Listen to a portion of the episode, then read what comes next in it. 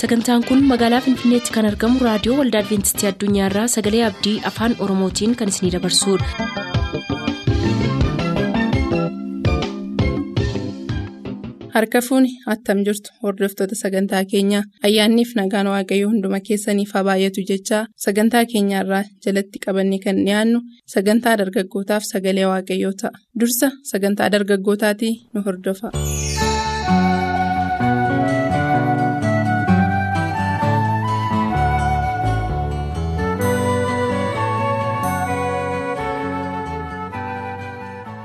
Dargaggummaan keenya nuufis ta'e waaqayyoof dhimma baasa.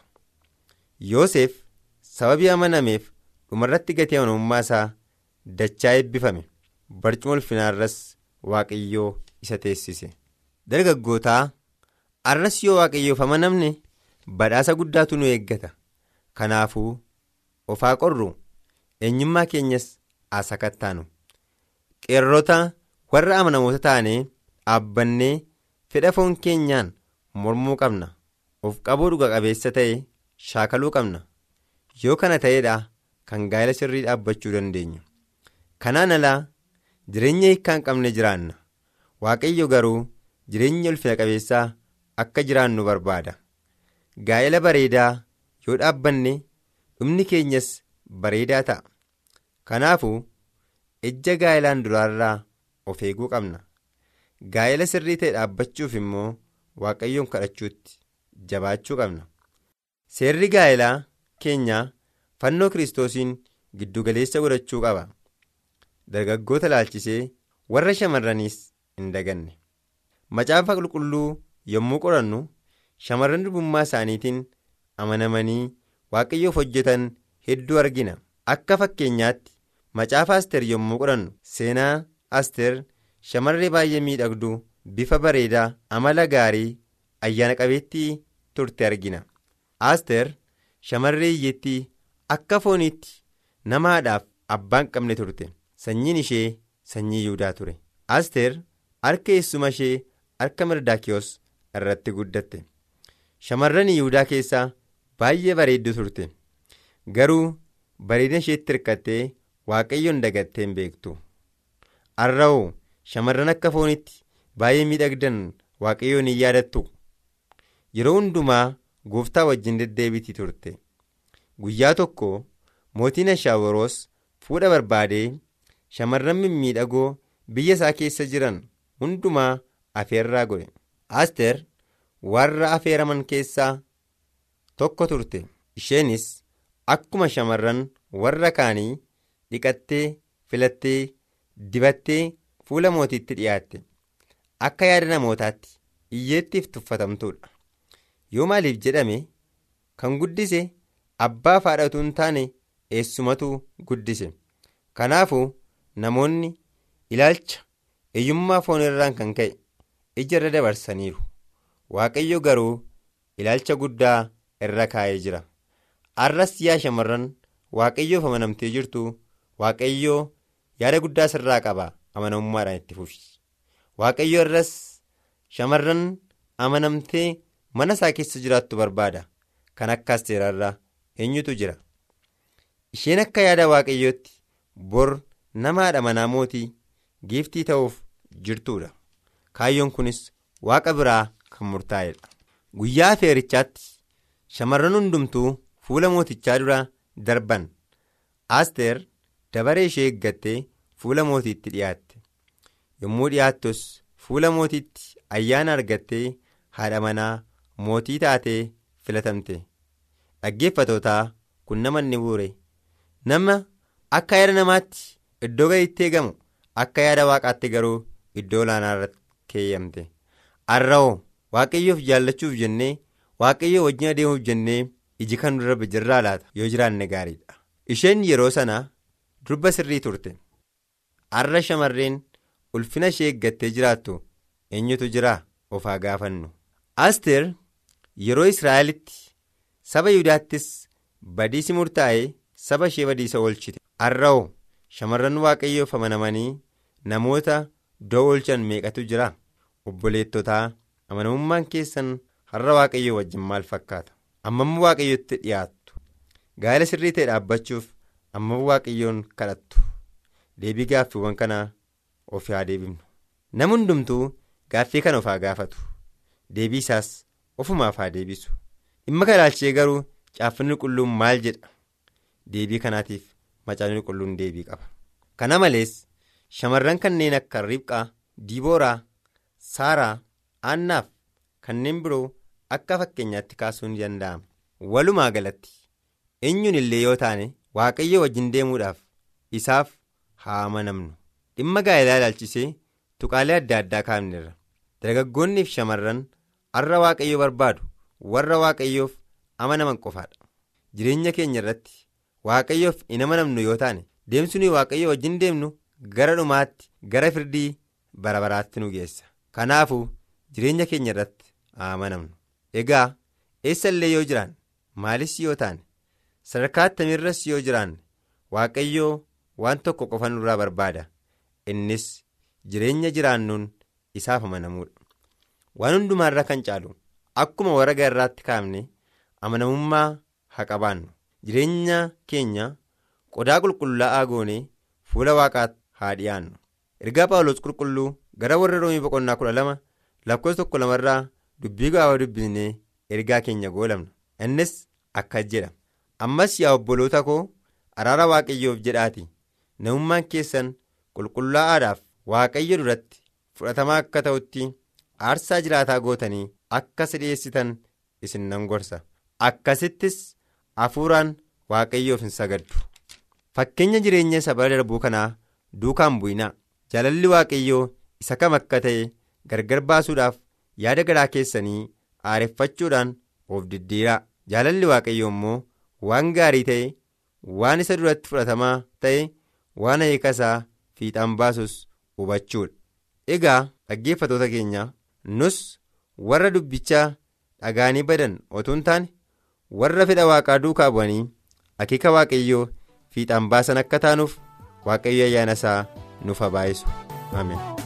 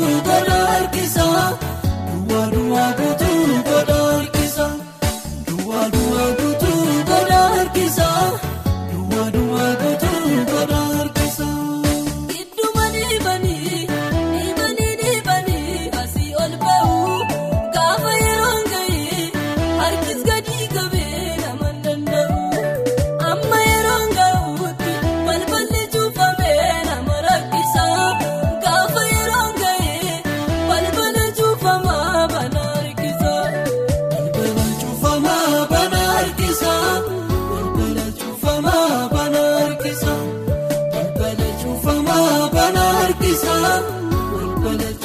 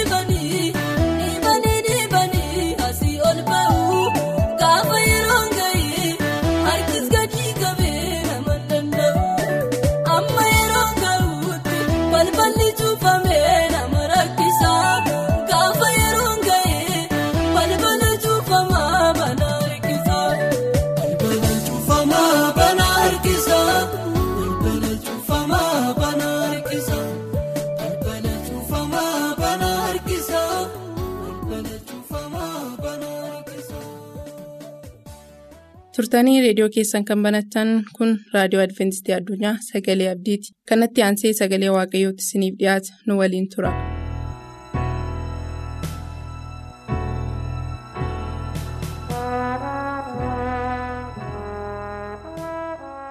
kabajamoota dhaggeeffattoota keenyaa attam jirtu sagalee waaqayyo dhaggeeffataa kan jirtan hundumti keessan waaqayyoon guddaa galateeffannaa gochaa nuu godhe hundumaaf bara jireenya keenyaa hundumaatti nu wajjin ta'e gadi ba'uu keenyaaf holliituu keenya eebbisee yoowwan waan nu geef galanni guddaan isaaf haa ta'u jenna ammas sagalee waaqayyoo dhaggeeffachuudhaaf yommuu qophaa'aa jirru kana waaqayyo tokko tokko keenyaaf hubannaa akka kennuufi hin kadhanna. ulfaataadhaaf tola amanama abbaa keenyaa waaqarra kan jiraattu jireenya keenyaa guyyaa hundumaa nu wajjin taatee yeroo hundumaa nu wajjin taatee kan nu barbaachisu nuuf laattee nu eddee yoona waan nu geesseef hamaa hundumaa waan nu oolchiteef galanni guddaan teessoo kee irratti siif ta'u ulfaataadhaaf tola amanama abbaa keenyaa yeroo kana immoo sagalee kee isa aananiif dammarra caalaa mi'aawu kana dhaggeeffachuudhaaf ayyaana guddaa waan arganneef guddaa si galateeffanna isa dhageenyu kana yaa waaqayyotti jiraachuu akka dandeenyu nu gargaari hamma dhumaatti nu dhaabi maqaa gooftaa yesuusin si nu dhaga'ii ameen. Kan jaallatamtan dhaggeeffattoota keenya sagalee waaqayyoo guyyaa irratti kan wajjin hirmaannu kan jedhu faarsaa daawwit dhibbaaf 22 lakkoofsa tokkorra kan jirudha.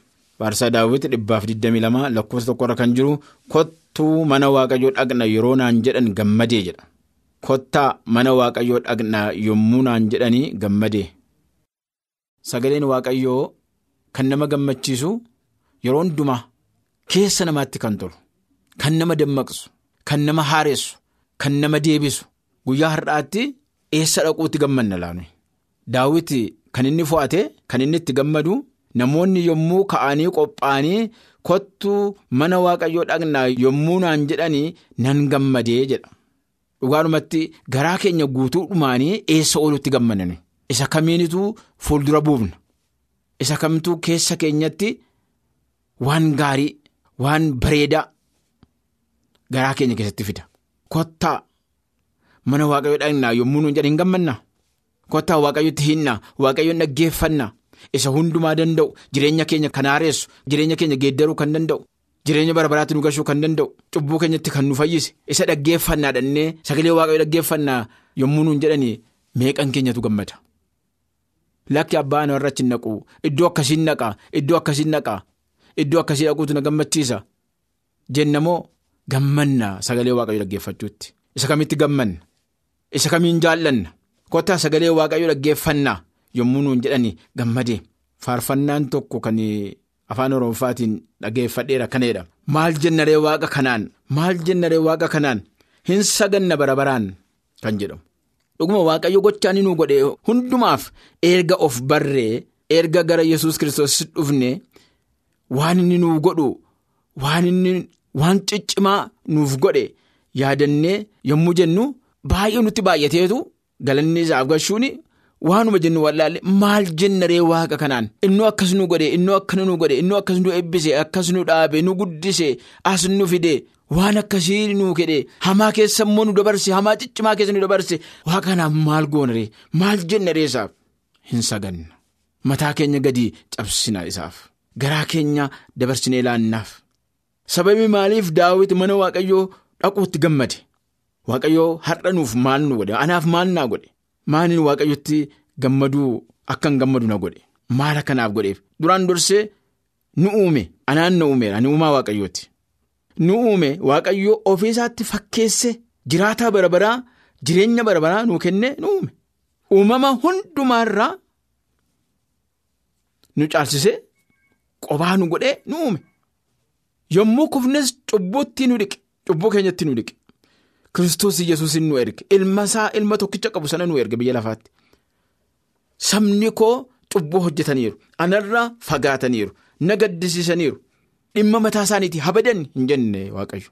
Ani ulfina guddaan isaaniif kenne ulfina kanarraa isaanumatu kufee cubbuu wajjin isaanii uumne cubbamaas isaanii hin goone jireenya barbaraan kenneefi akkuma jireenya barbaraa qabaadhu jireenya barbaraan isaaniif kenneef isaan garuu kana hin dhiisanii. Ulfina kana keessaa ba'aniiru kufaniiru iddoon taanii dhaqaniiru jedhee waaqayyo nurraan fagaanne nun jibbines jaalala guddaa waan qabuuf. Namootaaf. Waaqayyo jaalala guddaa waan qabuuf jaalala bara baraa waan qabuuf jaalala hin qabbanoofne jaalala hin geeddaramne. Wooma tokkoof illee jaalala irratti hundeeffamee ittiin nu jaallate tokkollee utuu hin qabaatin. Oofumaan nu jaallate akkasumaan nu jaallate tokkicha ilma isaa nu erge.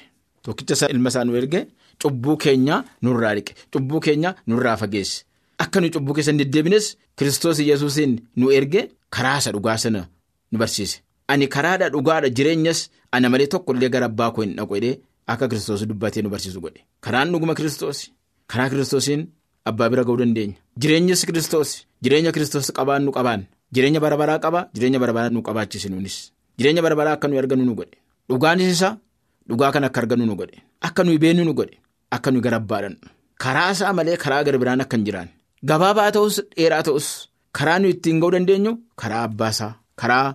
Ilma isaa gara abbaa isaa dhaquu dandeenya.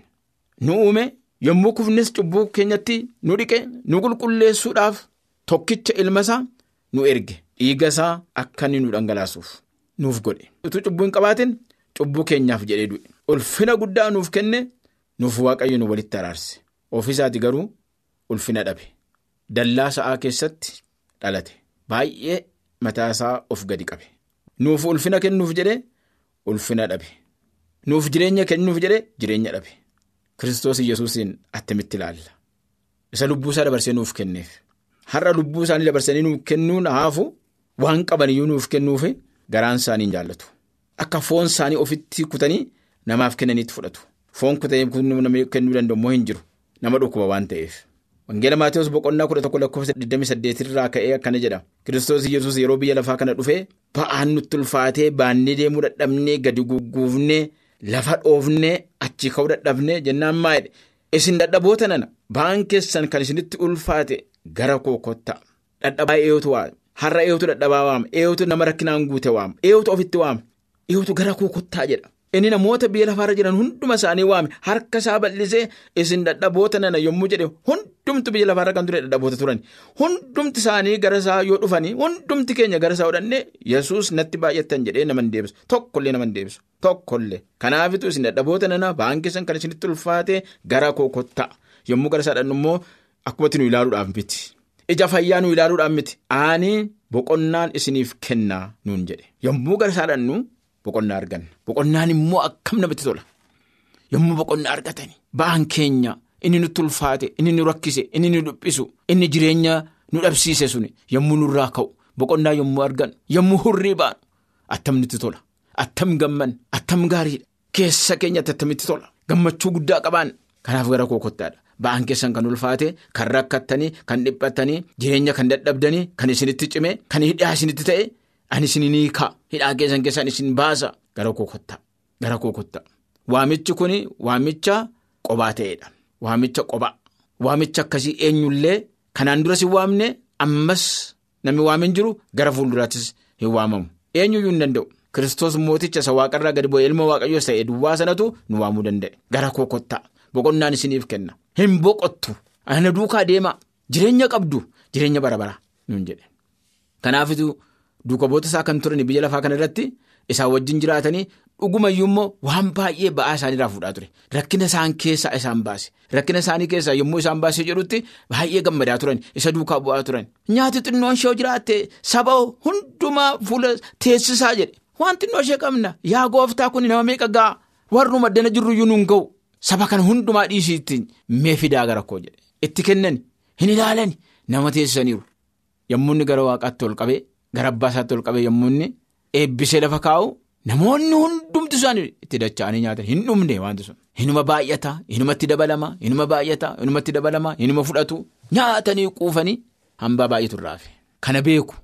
Kunoo waanuma xinnoo ishee fuudhee baay'isee nama nyaachisa. Yeroo hundumaa akka kana maali duukaa buuneedhaan duukaa buuneedhaan eessarra ba'ee attam ta'e laadhaniitu duukaa bu'anii barbaadanii maali yaa gooftaa nu jalaa baddemini si barbaadna mini ittiin jedhani.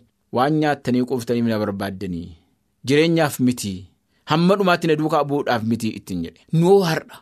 Hamma dhumaatti duukaa buuna moo hamma nutti toletti duukaa buune gara booddee deebina. Hamma dhumaatti kan obsu inni garuu hin fayyaadha. Bara dhumaa kana keessa rakkina baay'eetu ka'a jibba baay'eetu ka'a namoonni baay'ee wal jibbu hamminni guutaa namoonni mataa isaanii jaallatu hamma dhumaatti kan obsu garuu hin fayyaa. Hamma dhumaatti kan kiristoos hin duukaa bu'u. Hamma dhumaatti namni isaa wajjin dhaabatu. Hamma dhumaatti namni eebba isaa barbaadu. Yeroo rakkinaattis yeroo bal'inaattis yeroo qabeenyaattis yeroo dhabinattis dhabanis yeroo hundumaa yeroo hundumaa isaa wajjin nami dhaabatu nami isa eeggatu nami isa tiiqu hin fayya. Ba'aan keessan kan isinitti ulfaate. Rakkina kan qabdan dhimmi keessan hidhamee kan hiikamuu dide. Fuula waaqa duratti fidaa. Gara koo kottaadha natti fidaa jedha. Anoo boqonnaa isiniif hin kenna jedha. Raajii ermiyaas boqonnaa lama lakkoofsaa afurii jalqabee akka jedha. Raajii ermiyaas boqonnaa lama lakkoofsaa afurraa jalqabee isin yaa sanyii yaa'qoob gosa Israa'el kan taatan. Hundumti keessan dubbii waaqayyo dhaga'a. Waaqayyo abbaan keessan balleessaa maalii ana irratti argani? Abbaan keessan balleessaa maalii ana irratti arganii anarraa fagaatanii anatti fagaatanii jedhee dubbata. Gaaffii gaafata. Balleessaa maalii irratti argani anuu akkasiin godhaafi ofitti waama.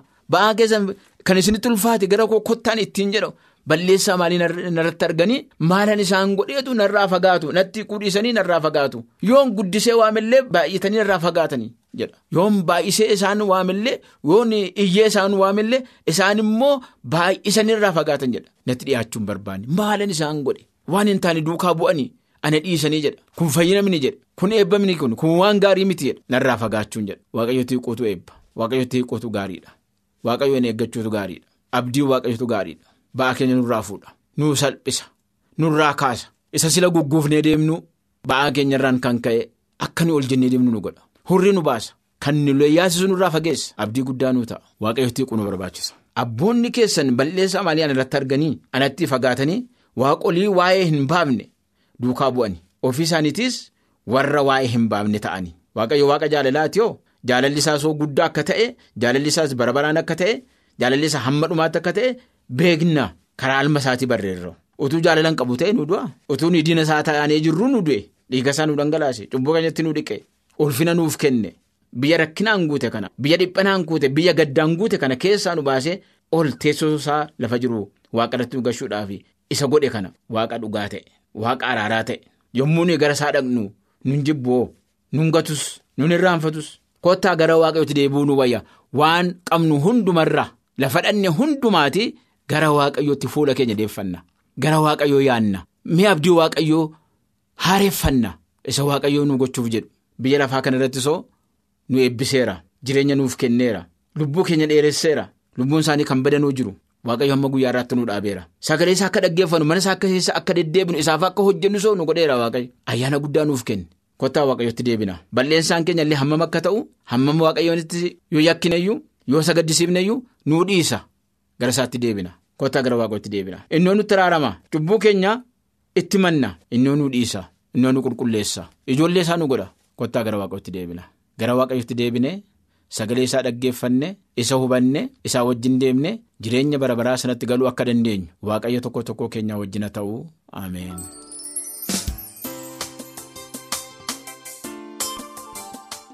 Sagantaa keenyatti eebbifamaa akka turtan abdachaa kanarraaf jenne raawwanneerra. Nu barreessuu kan barbaaddan lakkoofsa saanduqa poostaa 455 Finfinnee 455 Finfinnee.